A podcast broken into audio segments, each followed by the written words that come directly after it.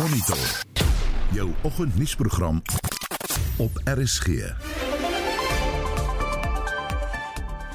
In die volgende uur, die onderwysvakbond Naptosa sê daar is 'n toename in voorvalle waar onderwysers deur leerders aangerand word. Partykeer is die onderwyser eintlik skaam om vorentoe te kom om te sê dat dinge uit die hand geruk is en die kind handgeneem geword het. Die daknetwerk is bekommerd oor die stand van wiskunde onderrig in openbare skole. Kleinskaalse vissers aan wie nie visvangregte in 2016 toegeken is nie, kan nou weer aansoek doen. Nou wat het op die gebeur net is is moet ons net kyk om dan ons vissermanne deel te maak van die ding en dat mense wat nie op die lys behoort nie moet dan van die lys af terugstaan en vir die mense plek gemaak word wat daar moet bykom. En groot ontevredenheid oor die uitstel van die mosie van wantroue in die burgemeester van die Nelson Mandela Bay Metro. Welkom by Monitor onder redaksie van Jean Esterhuizen, die produksieregisseur vanoggend is Mark Preller en ek is Udo Karelse. 'n Straatverkoper van Kaapstad is danksy die nasionale lotery 'n volle 86,9 miljoen rand ryker. Die nuwe miljonair sê hy speel elke tweede maand die lotto en uh, het hierdie keer sy kaartjie in Durban wil gekoop. Hy sê na vele gebede kan hy nou vir sy gesin 'n nuwe huis bou. Nou wil ons vanoggend by jou weet. Wat sou jy doen met 86,9 miljoen rand in die huidige ekonomiese klimaat? En met wie sal jy die nuus deel? Praat saam op ons Monitor en Spectrum Facebookblad of stuur 'n SMS na 45889 en dit sal jou R1.50 per boodskap kos. 10 minute oor 6. Kleinskaalse vissers in die Wes-Kaap wat uitgelaat is uit die toekenningsproses van visregte van 2016 tot 2019 kan nou weer aansoek doen vir die regte. Dit volg na die Hooggeregshof in Kaapstad die vorige proses van verifikasie tersyde gestel het. Kobben August berig. Die departement van Bosbou, Visserye en Omgewingsake het die hof genader na 'n interne audit bevind het dat die proses onvoldoende was. 'n nuwe proses om aansoeke van vissers te verifieer sal hierdie maand begin. Volgens die departement sal slegs aansoeke van vissers wat in 2016 aansoek gedoen het, aanvaar word. 'n Kleinskaalse visser van Houtbaai, Charmaine Phillips, sê sy was oor die afgelope paar jaar onsuksesvol om visregte te bekom. Nou verstaan ek van die hofsaak 2016 se mense 8500 mense kan nou weer aansoek doen. Net daardie mense kan aansoek doen. Van my kant is dit verkeerd. Hoekom maak hulle nie die ding oop vir al die regte vir se manne, vir se vrouens en die poachers, hulle noem dit mos poachers. Hoekom maak hulle dit heeltemal oop dat ons al drie dan kan aansoek gaan doen vir daai goede nie? Want op die einde van die dag het verkeerde mense die goed eintlik gekry. Die hoof van die Weskaapse Katskorana Koningshuis, Regan James, sê hy hoop visregte sal aan meer mense toegeken word wat van kleinskaalse vissery afhanklik is vir hul lewensbestaan. Ons het aansoek gedoen vir smoorskeel vir 15 jaar wag ons vir smoorskeel in die Weskaap om te gebeur. Nou wat dit op die gebeur net is is moet ons net kyk om dan ons vissermanne deel te maak van die ding en dat mense wat nie op die lys behoort nie, moet dan van die lys af terugstaan en vir die mense plek gemaak word wat daar moet bykom. Die programbestuurder van die Massifundisi Ontwikkelingstrust, Carmen Manerino, sê die organisasie is bekommerd oor die administratiewe rompslomp en die tyd wat dit sal neem vir vissers om aansoek te doen en uiteindelik hulle nuwe permitte te ontvang. They will have to produce a lot of paperwork showing that they have been involved in the sector for at least 10 years and also to show their dependence on uh, small-scale fisheries for their livelihood and income. And this is a challenge, especially considering the small-scale fishers have been operating to a large extent in an informal environment. However, we will do whatever we can to support small-scale fishers during this process. Die woordvoerder van die departement van Bosbou, Visserye en Omgewingsake, Albi Modise, sê 'n onafhanklike diensverskaffer en waarnemers is aangestel om te verseker dat die nuwe aansoekproses deursigtig is. The process will include mobilization of fishing communities, distribution of verification forms, and the receipt of forms. It also includes registration and verification, the announcement of the provisional list, and the handing of appeals, including the declaration of the final list of small-scale fishers who are to receive allocations. Die bestaande visregte aan kleinskaalse vissers bly geldig terwyl die nuwe proses van verifikasie voltooi word. Ek is Kob in August in Kaapstad. Die daknetwerk is bekommerd oor die stand van wiskunde onderrig en uh, prestasies in openbare skole. Die voorsitter, Dani van Wyk, sluit nou by ons aan om hulle standpunt te deel. Dani, goeiemôre. Goeiemôre, Udo. Sê my waaroor presies is jy bekommerd? Man ons bekommerd oor die kwaliteit van onderrig van wiskunde in ons skole, asook die swak prestasies wat bereik word. Daarmee gepaard gaande uh die feit dat ons ongekwalifiseerde onderwysers het wat op 'n hoër vlak onderwys of dan 'n wiskunde onderrig moet aanbied. Ons merk ook dat leerders het nie belangstelling in wiskunde nie. Hulle sal liefs die alternatief wat dan nou uh uh wiskunde geletterdheid is, sal hulle kies in plaas van senior wiskunde. En ons weet dat indien jy nie senior wiskunde kan aanbied byvoorbeeld by 'n sekere vak vakrigting op universiteit nie. Dat jy nie in rigtings soos byvoorbeeld medies, die wetenskappe of selfs ingenieurswese kan studeer nie. Mm. En dit is vir ons dat besef dat uh, ook die feit dat Suid-Afrika so baie laag op 'n ranglys het, binne derde van onderaf. Dit is Pakistan en Indonesië wat wat swakker af as ons is.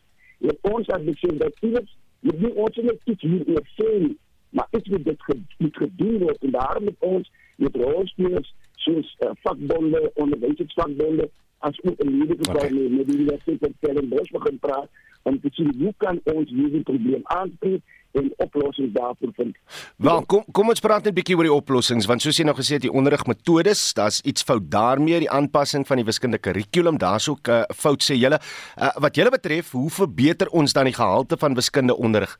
Uh om om 'n uh, uh, uh, um, uh, belangrike verandering te maak aan aan hoe bekwam ons onderwysers is. En dan die eerste ding waar ons begin is die daarstelling van kwaliteit onderwys opleiding wat gemik is op onderwysers se bekwaamheid om die vak te onderrig. Ehm um, dit is die eerste ding waar ons begin. Dan moet ons ook praat oor dat dat dat dat uh wiskunde moet as 'n pittige vak voorgestel word aan leerders. Ons praat spesifiek hier aan in die uh grondslagfase hmm. waar kinders met hulle met hulle met wiskunde geniet in plaas daarvan dat dit hierdie groot abstrakte uh uh, uh ding gesien moet word wat vrees in boesem met kinders en dit gaan natuurlik ook wie dit aangebied word uh in die klaskamer en dan dan, dan ook uh, uh, uh onderwysers moet bewus gemaak word van die uitdagings wat leerders in die gesig staar.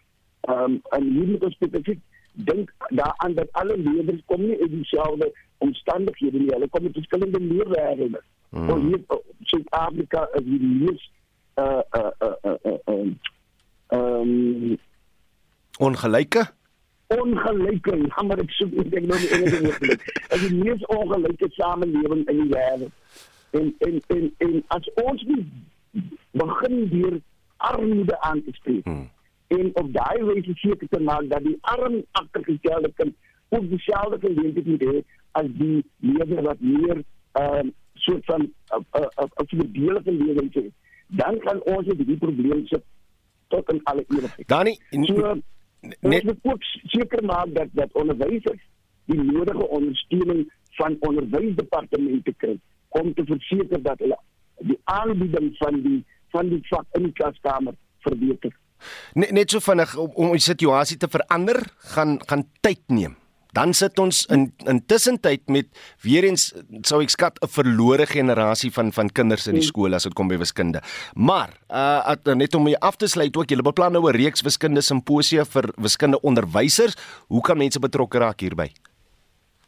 Uh hulle kan ons skakel vir dat jy werk skakel. Hulle kan vir my e-pos stuur by Dani van by uh, by Dani at datwezerg.com of die skakel op my selfoonnommer 0635920898. Ons sal natuurlik dit, dit weer eens op uh, sosiale media plaas en ook bekend maak op ons webwerf. So onderwysers kan ons skakel en ons gaan dit samewerking met die Universiteit Stellenbosch aanbied. Asai, dis Dani van Wykie voorsitter van die Dak netwerk. Ons bly by die storie en praat nou met die onderwyskenner en stigter van goteach.co.za. Dis nou François, Dr. François Nudee. François, goeiemôre. Goeiemôre Oudo. In jou mening, hoe benard is die situasie tans wat wiskunde onderrig betref? Ek wiskunde onderrig is maar in dieselfde bootjie as wetenskaponderrig as ons uh, leesonderrig, meerderheid van ons ander uh, vakke. Die onderwysstelsel self uh, in Suid-Afrika maar ook uh, in 'n deurstrek internasionaal is bietjie van 'n krisis. Jy sien die die uitdaging in Suid-Afrika is as ons vergelyk moet word met ander lande dan doen ons glad nie goed op wiskunde en wetenskap en ook nie op leesvaardighede nie.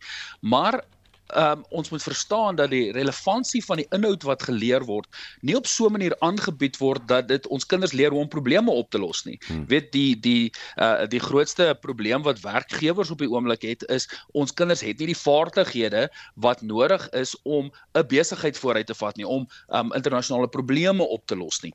Jy moet verstaan dat wiskunde is die taal van die heelal. Wiskunde is die taal van ingenieurswese. Dis die taal van alle beroepe um, op die einde van die dag. En as ons nie daai grondslag reg het nie, hmm. as ons kinders nie daai vaardighede het nie, kan hulle nie suksesvol wees in 'n beroep nie. François, hoekom is hy grondslag nie reg nie? Waar dinge begin skeefloop? Is baie moeilik om om blame te gee op een spesifieke ding. Ek dink dit is nogal daar's uh, uh, baie makro-elemente wat 'n rol speel. Een ding wat verseker is, is as ons kyk na die uh, die onderwysstelsel self, maar ook die verskriklike druk waaronder ons onderwysers moet skool gee. Um, ek dink die daknetwerk het dit reg as ons sê as ons kyk na sosio-ekonomiese uitdagings wat maak in die eerste plek dat kinders, um, weet 'n kind kan nie leer as 'n kind honger is nie. Mm. Daai fundamentele fisiologiese uh, behoeftes is verskriklik belangrik. Maar dan in die die skole waar ek werk, ehm um, tans met interne onderwysers en studente onderwysers, sit ons met 50 eh, kinders, 60 kinders, 70 kinders in een klaskamer. Hoe is dit enigstens moontlik vir 'n onderwyser om in daai geval, jy weet, die nodige onderrig kwaliteit onderrig te kan gee om te verseker dat almal die basiese uh, konsepte uh, verstaan um, en en soos hulle ook tereg gesê het in die grondslagfase. Hmm. As ons daai tussen graad R en graad 3 nie reg kry nie, is dit verskriklik moeilik. So hoe begin ons om dinge reg te kry wat meer kan of moet gedoen word? Jy het gehoor wat uh, Dani of van Dani se oplossings is. 'n uh, uh, deel deel 'n paar van uh, wat jy dink gedoen moet word. Ek dink dit begin by die onderwyser. Ons moet die onderwysers begin ondersteun. Ons moet vir hulle 'n geleentheid of 'n omgewing skep waarin hulle die beste of optimaal kan presteer. En met 50 kinders in 'n klaskamer is dit eenvoudig nie moontlik nie. Maar dit help ook nie ons sê, jy weet, die klaskamers is oorvol, daar's al hierdie uitdagings, maar ons dink nie aan oplossings nie. So van my kant af um en Go Teach se kant af, is dit vir ons baie belangrik om die individuele onderwyser te ondersteun met die uitdagings wat hulle beleef en die oplossings daarvoor te vind. So wanneer ons met onderwysers werk, vind ons uit wat die weet daai spesifieke konteks is waarin die onderwyser werk en hoe kan ons dan dit help oplos. En ek sou sê die eerste ding wat onderwysers moet probeer doen is kom ons probeer dit uh konsepte vas lê by kinders deur dit op 'n lekker interessante manier aan te bied. Maar die manier hoe ons in die laaste paar jaar uh gegaan het om skool te gee, werk nie meer nie. Ons moet gaan kyk na goed soos um uh, problem based learning, uh, self organized learning environments Maar die uitdaging weer eens is wanneer kry 'n onderwyser kans om hierdie nuwe metodologieë aan te bied wanneer ons uitgebrand is en tydens vakansietye hmm. of naweke moet werkswinkels bywoon. Reg, dak is 'n organisasie, Dr. Frans Monodee se onderwyskenner, na jou mening, besef die departement van basiese onderwys die erns van die saak. Ek dink hulle doen. Ek dink net dit is so 'n groot probleem dat uh, dat die staat op die einde van die dag nie die hele probleem kan oplos nie. Ek weet daar is uh, ons gedeeltes waar die staat uitmuntende werk doen, maar daar's ook plekke en ek dink dis die meerderheid van plekke wat besig is om te vou. Die oplossing um, en dis jammer om dit te sê, hmm. gaan in die privaat sektor lê. En daar het ons gepraat met die onderwyskenner en stigter van GoTeach.co.za, Dr. Frans Ronde. Baie dankie vir jou tyd. Die onderwysvakbond Naptosa is bekommerd oor die toename in voorvalle waar onderwysers deur leerders en hulle ouers aangerand word. Die uitvoerende direkteur van Naptosa, Basil Manuel, sê dit is soms moeilik vir onderwysers om sulke voorvalle aan te meld. As jy nou kyk na die uh, misdaadstatistieke wat die die minister uh, vrygestel het nou die ander dag, kan ons nie verbaas wees dat geweld in skole ook toeneem, omdat skole mos immers mikrokosmos van die samelewing is. Wat in die samelewing gebeur, sal op skole gebeur. Wat in die breë samelewing gebeur, sal seker weer speel word in skole. Maar dit wil nie sê dat ons dit moet aanvaar nie. Maar hoe gereeld vind geweld in ons skole plaas, Basil? Eers is dit 'n baie moeilike vraag om te beantwoord want ons moet nou aanvaar dat sekere insidente gerapporteer sal word. Ander insidente word nie gerapporteer nie omdat onderwysers seker nou in die klasse behandel of partykeer is die onderwyser eintlik skaam om vorentoe te kom om te sê dat dinge uit die hand geruk is en die kind handgemeen geword het. Dan word hulle skaam om dit te sê want dit klink nou nie goed nie. Maar ons sien daar is toenamende gevalle wat nou gerapporteer word ek het nie presiese syfers nie maar wat ek wil sê as jy nou na die getal skole kyk en jy sien hoe baie keer dat dinge is wat gebeur behoort ons meer bekommerd daaroor te wees Maar waarom word die geweld toegeskryf aan die leerdlinge? Ek dink baie van die leerdlinge kom van gebiede af waar hulle insidente sien.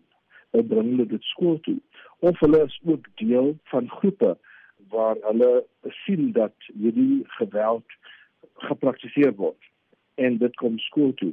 Maar ook omdat kinders nie eintlik geleer is hoe om met hulle emosies te behandel nie want as hulle nou kwaad word en dan dink hulle die enigste uitweg is om handgemeen te raak terwyl ons sê kyk ons moet daaroor praat en so voort. So daar is verskeie goed maar ons kan nie net sê dat die blame met leerders lê die ouers is ook baie keer deel van die probleem.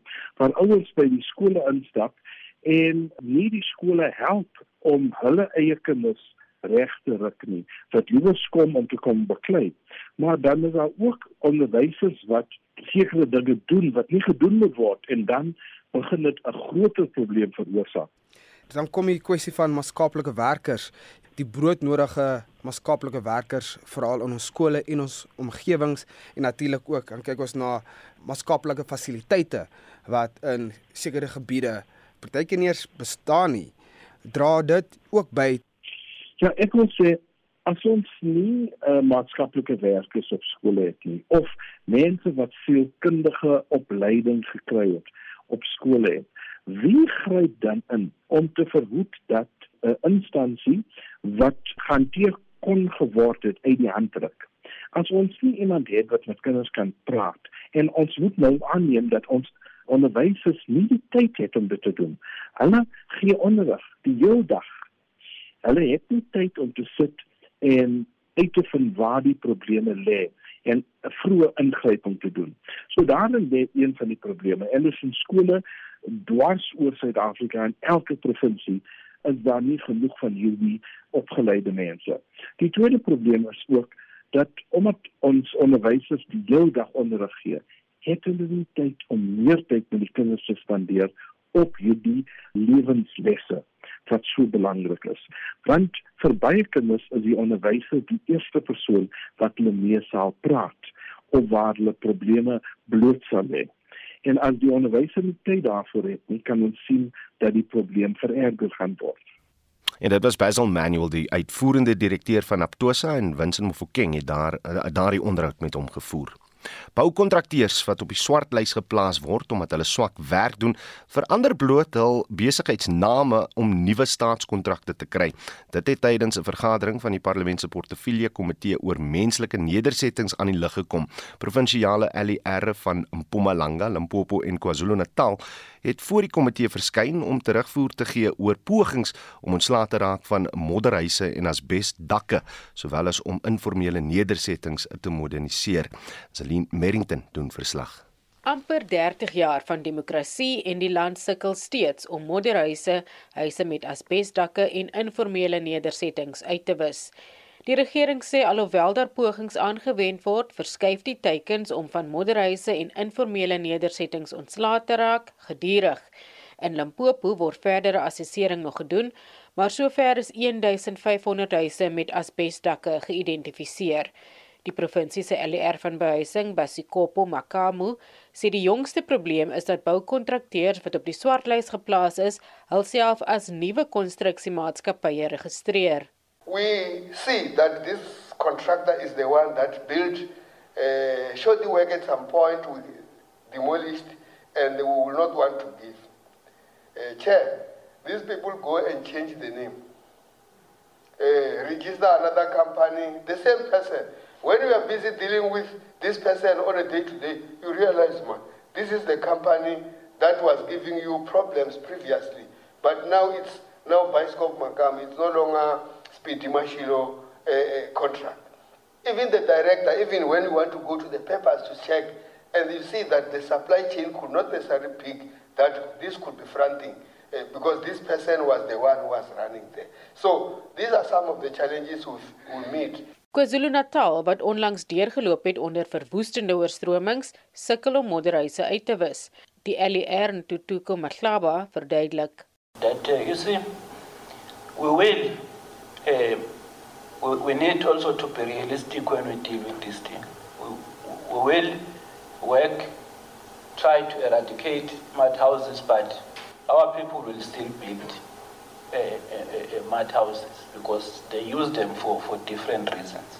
Volgens die adjunkminister Pam Chwete sal 'n swart lys van boukontrakteurs saamgestel word. We will demand each province to give us the list of those that are blacklisted and we submit it to the in front of this committee. And, and because I know that that is taking place, investigations is taking place for those contractors that abandoned the projects. Then we will demand each, each um, province must give us the names of those that are being investigated and also blacklisted. blacklisted.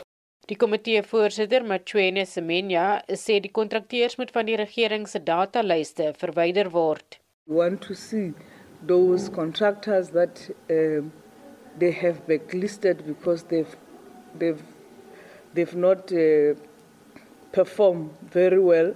They've done a shadow work. Um, and they must remove them from the list. Dit was Machwene Semenya, die voorsitter van die parlementêre portefeulje komitee oor menslike nedersettings. Zelene Merrington, Parlement.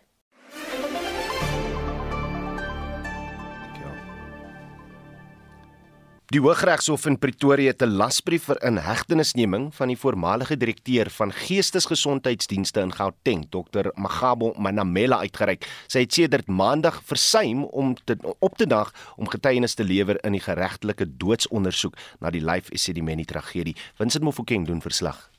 Regter Monowatefo het frustrasie uitgespreek oor Manamela wat versuim om voor die geregtelike doodsondersoek te verskyn. Now I want to remind you that all these witnesses were subpoenaed for court on the first day they appeared. Consequently, the court authorizes a warrant of arrest against Dr. Mahabu Johanna Manamela, but the issue thereof is held over until the 14th of September 2022. Intussen het Manamela se regsverteenwoordiger, advokaat Russell Sibara, sy kliënt verdedig. Hy sê diegene wat Manamela se gesondheidstoestand bevraagteken, is onregverdig. Sorry to interpose, Malidi. This is quite unjust, and the court has got the powers to stop legal representations to venture into ranked wrong territories, Malidi. This is quite unfair. 'n Woordvoerder vir die families van die oorlede pasiënte, Christine Ngumalo, sê Manamela se besigheid tydens verrigtinge veroorsaak vir hulle meer pyn. Dr. Manamela's approach is no different from the approach that they had given us as families in going into this life many tragedy. That I don't care, you will do as I wish, I dictate how it's going to happen, when it's going to happen. Die geregtelike doodsondersoek sal volgende maandag hervat wanneer die getuienis van Dr Bani Selebano aangehoor sal word. Hy is die voormalige hoof van die Gautengse departement van gesondheid die verslag van Faniel Shuma. Ek as Vincent Mufokeng vir SAI Garnis. Die raadsvergadering van die Nelson Mandela Bay Metro wat 'n mosie van wantroue teen die burgemeester Eugene Johnson sou debatteer is gister uitgestel. Dit na die raad ingelig is dat 3 raadslede van die Noordelike Alliansie se skorsing geappeleer word. Een van hulle is die spreker, Gary van die Kerk. There's an appeal against the order that was received by the three Northern Alliance councillors. Therefore, that means that the order against them has been nullified until the appeal has been heard and finalized. And based on that, I therefore request that we adjourn this meeting until further notice. Thank you very much. Die staatsbestuurder, Dr. Nontolo Kwasi, gee die redes vir die uitstel van die vergadering. Raadslede is omgekrap oor die verwikkeling en vra wie die munisipaliteit gemagtig het om teen die besluit te appeleer. Die spreker, Gary van die Kerk, sê hy was verras om die appeldokumente te ontvang. What's happening here is really putting the interests of a certain political party, namely the ANC first, and the residents of this metro second. I can't understand that the city manager is acting very much surprised that we've been served with papers, whereas she's the second applicant in the papers. The first applicant is the municipality, which is us, and we know nothing of such an appeal. So, who gave them the right, whoever they are, to appeal on behalf of us? 'n ACDP raadslid, Lans Grootboom, wat die mosie van wantroue teen die burgemeester ingedien het, sê die munisipaliteit het swak raad ontvang om teen die bevel te appeleer. So that order gave them an extension to be able to participate in today's council meeting. So they appealed that order, but the problem is this is an interim order. It's not a final order. And in law, you cannot bring an appeal on an order. Die DA burgemeesterskandidaat, Retief Odendaal, beskuldig die ANC daarvan dat hy vuil speel om aan die mag vas te klou. Hy sê hulle sal voortgaan met hul pogings om die ANC te ontsetel. Yet another frivolous legal matter has been uh, launched, and that's why the ANC didn't pitch today. That's the only way they're going to hang on to power in Nelson Mandela Bay. But we are ready to fight them. We are ready to fight for the people of Nelson Mandela Bay, and we will continue to fight for the people of Nelson Mandela Bay because the city has come to a grinding halt. Service delivery has come to a grinding halt. Die ANC het nie die vergadering bygewoon nie. Die streeksekretaris Loyolo Ankula We've been consistent in our articulations that council meetings must be properly constituted because council meetings take critical decisions as they relate to the questions of service delivery and ultimately and inherently about people's lives. It had been our contention that there were issues around the constituting of the previous council. We've been advised that now there's an ensuing legal action in relation to that. Dit is onduidelik wanneer die volgende raadsvergadering gehou sal word. Die verslag deur hom se BC Aina in Rebecca en ek is Justin Kennerly vir SI Garnis. Ons bly by die storie en praat met die politieke ontleder en dosent aan die College vir Verdere Onderwys en Opleiding van Port Elizabeth, Dr. Calvin Knowles. Calvin, goeiemôre. Goeiemôre. Jou indrukke van al die draaie en ompaaie voor die raadsvergadering kan gehou kan word. Ja, ons het nou al 'n hele paar draaie geloop hier in die metro en ehm uh, ek dink die feit dat die ANC nou om weer te hof gewen het. Ehm um, dui maar net weer eens op die aansienlike desperaatheid om alles te doen en sy vermoë om aan die mag vas te hou. En wat dit ook nou vir ons op dui is dat daar die hierdie koalisies 'n kultuur van as ek dit kan noem politieke agterbaksheid en onderduinsheid word nou gekweek en ons ons ons sien dit ook in Johannesburg of ons het dit in Johannesburg gesien waar daar gerugte was van dat sekere raadslede omgekoop was om 'n sekere manier te stem dat daar ook doelbewus weggebly word van vergaderings waar mosies van wantroue ingestel sou word. So so ons ons sien al meer hierdie kultuur van soos ek gesê het agterbak en en en ook ehm um, daar's ook 'n tipe van 'n politieke boewery wat daarmee gepaard gaan wat eintlik baie kommerwekkend is en ehm um, soos ek gesê het uh, gister se vergadering daar's 'n paar partye se raadslede wat wat alles nou dui daarop doelbewus weggebly het sodat die vergadering nie koring kan bereik nie. Steek daar waarheid in bewering steen Eugene Johnson en uh en die adjunk uh, burgemeester? Kyk ons miskien moet dit kyk in die lig van wat die voormalige LR vir samewerkende regering in die provinsie so 'n paar maande terug wou doen. Hy wou die metro se uh, stelsel verander het reeds om Johnson se vlerke bietjie te knip sodat hy vir my op op ongelukkigheid selfs binne die ANC oor wat sy besig is om te doen in die metro in. So uh, dit is dat hierdie hierdie ehm um, onderstrominge en politieke ehm um, onderstrominge uh, heeltemal 'n groot ehm um, impak het op die diensgewering in 'n metro waar ons in die grootste waterkrisis sit in jare in en hierdie shenanigans soos hulle in Engels sê uh, as maar net olie die vuur wat wat wat ehm um, diensgewering heeltemal tot 'n stilstand bring. Wat dink jy sal uiteindelik die uitslag wees hier? Sal die mosie teen Johnson slag? Wel, ek wil ook sê dat ek vermoed uh, dat daar is daar ontbreek amper eerbare dringendheid van hierdie kleinere partye. Hmm. selfs wat binne in hierdie nuwe koalisie is om dit te laat werk. Want dan uh, hulle het tot onlangs toe van hulle het tot onlangs toe nog met die met die ANC geskaar. So ek ek sou dink dit gaan slag. Ehm um, maar dit mag heel waarskynlik nie binnekort wees nie. Want soos gesê het die ANC is besig om alles te doen om hulle mag of dit nou hulle tot die hoër wen of soos gesê strategies te werk gaan en weer onder bench en agter bak sit, veg te bly en 'n vergadering te onderrig. So ons het alsite vermoed doen om hierdie nuwe koalisie wat nou sedert einde Julie uh, op die been gebring is, uh, se planne om regering oor te neem in die wieleterrein. Maar uh, kom ons praat net oor die die die breë tema hier oor die feit dat in die afgelope 2 weke sien ons nou dieselfde ding in Tshwane, ons sien nou dieselfde ding in uh, Johannesburg se metro, uh waar 'n verskillende koalisie teen die DA werk. Wat wat is in die gang op die oomblik? Soos ek gesê het, ehm um, hierdie hierdie koalisie politiek word nou versprei. En uh dit is jammer wat aan die einde van die dag is dit die inwoners van hierdie Weskaap metro's wat daaronder lê. So ons het hier ehm uh, interparty konflik en ook intraparty konflik. So dis daar's politieke partye wat onder mekaar ehm um, striwelinge het of met mekaar nie ooreenstem nie en selfs binne party partyverband is daar ook ehm um, individue wat wat wat dinge nie wat nie saamstem oor dinge nie. So dit is maar wat nou wat wat ons begin sien wat gebeur op plaaslike vlak met hierdie met hierdie koalisies dat dat bly weerloos en dit bly ehm uh, weerloos om om in te plof. Hmm. As koalisie regering aan die orde van die dag is na die volgende verkiesing uh Kelvin. Ja. Gaan dit goed of sleg wees vir dienslewering? Want want ons ons sien al hoe meer druk geplaas word op die presentasiepunt wat die ANC by die stembus het. So as ons nou voorspel dat hierdie traject vorentoe dieselfde gaan wees en dan gaan meer koalisie regering wees, is ons beter uh, in 'n beter posisie as Suid-Afrika as dit kom by dienslewering? Ons sou so hoop. Ehm um, ek ek dink dan alles af van van die koalisie vernote of video uit gaan maak van 'n koalisie nasionale vlak.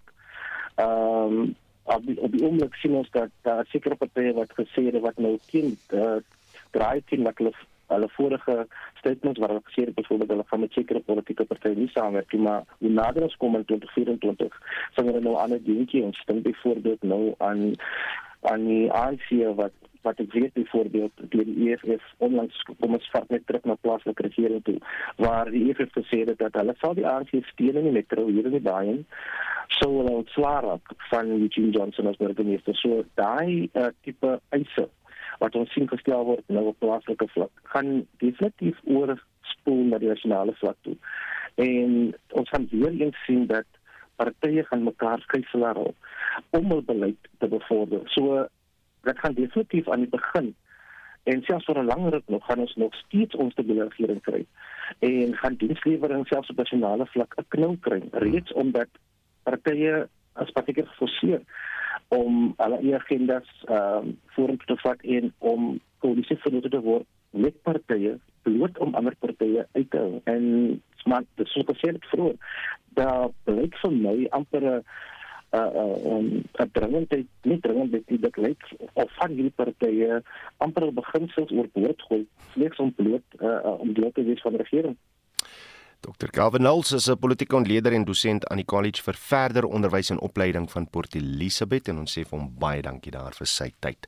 Stromingsdienste soos Netflix en Showmax het oor die afgelope paar jaar posgevat by Suid-Afrikaners. Daar is egter 'n ander soort stroming wat veral aanklink vind by jong mense. Gewone mense rig 'n kamera op en speel rekenaarspeletjies wat hulle wêreldwyd uitsaai. Vertalle mense het hierdie sogenaamde inhoudskeppers hulle daaglikse sepies of TV-program vervang. Justin Kennerly het by 'n gewilde Suid-Afrikaanse stromer, François Botha gaan uitvind hoe die wêreld agter die skerms lyk. Well, hello there. My name is Rusty Pie Lover, otherwise known as RPL, Pie, or Rusty, but never Lover. We're not close enough yet. Oh, yeah. You might be asking yourself a couple of questions. How did I get here? Why am I looking at a ginger? And how come he has a YouTube channel? One, this is a YouTube channel.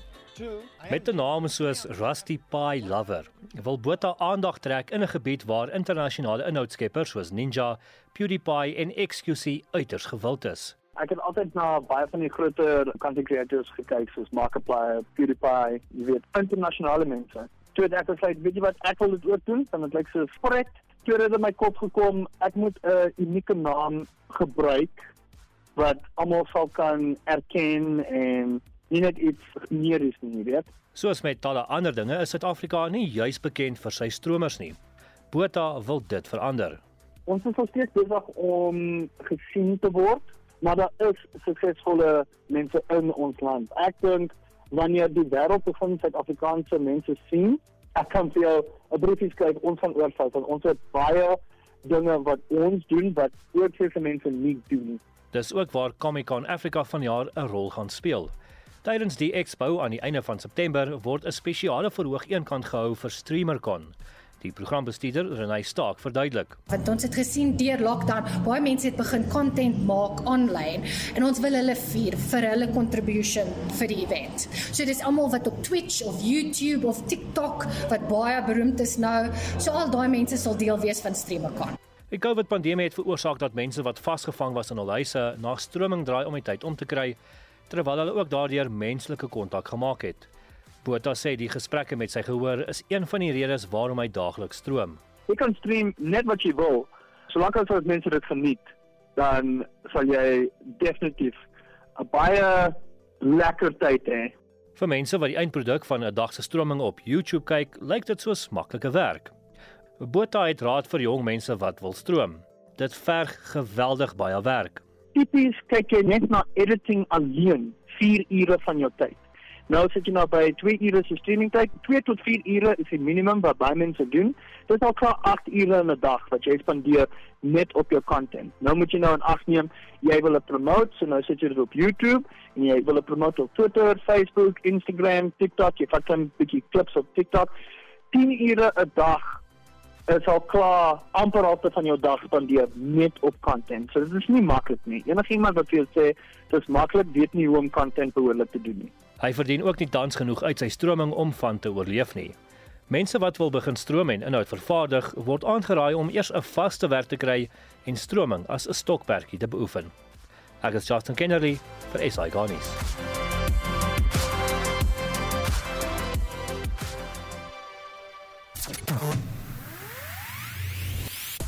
Reg, straatverkoper van Kaapstad is dankse die nasionale lotery 'n volle 86,9 miljoen rand ryker. Nou wil ons vanoggend by jou weet, wat sou jy doen met daai bedrag geld met 86,9 miljoen rand in die huidige ekonomiese klimaat en met wie sal jy die nuus deel? Op uh, Facebook sê Stefan Enrico, ek sal my slaghuis en apteekskuld klaar betaal. Hm. Thelma sê 'n chef sou ek aanstel. Elsa van Stade Nieuwberg sê ek sal die wêreld platreis. Nou Elsa ek ook. Heinrich Müller sê ek sal 'n petrolstasie koop en dan die petrol berg tot so Desember want dan styg die petrolprys weer. Susan uh Wagenaar sê ek sal vir my kind geld belê uh, in rustig sonder sorge lewe, sal vir die dierebeskermingsvereniging ook maandeliks 'n bedrag bydra en uh, ook vir my gunsteling organisasie maandeliks bydra maak uh en ook vir ons kerk. Janita Keet sê ek koop dadelik 'n motor gaan op vakansie en betaal al my agterstallige skulde uh, klaar en uh, sal ook van uh, dit belê en dan die rente trek. Terwyl Ona Khaled sê I would donate lots of money to animal rescue, wild rescue, anti-poaching en so voort. Uh en dan laaste boodskap sê Christo Latsky, ek sou tevrede wees met net 6.9 miljoen sal dan 'n huis, paar nuwe meubels, ordentlike kar van my keuse koop, die res belê en van die rente lewe. Nou ja, jy kan ook saam praat, dan hoor ons wat jy te sê het op Spectrum vanmiddag. Uh, praat uh, definitief saam op die Monitor en Spectrum Facebook bladsy of stuur 'n SMS na 45889 en dit sal jou R1.50 per boodskap kos.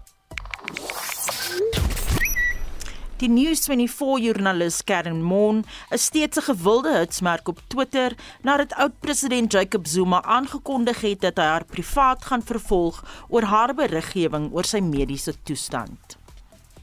Reg vorige uitsendings van ons program is as 'n potgooi beskikbaar op RSG se webblad. Jy kan net gaan na www.rsg.co.za om dit daar te vind. Skakel in op Spectrum tussen 12 en 1 vanmiddag vir nog nuus aktualiteit, asook brandpunt omstreeks kwart voor 6 vanmiddag. Ons groet dan namens ons uitvoerende regisseur Nicoline Liverpool de Wee. Die redakteur vanoggend is Janie Streys en ons produksieregisseur is Mark Preller en ek is Oudo Karel. Geniet jou dag in die geselskap van RSG. Totsiens.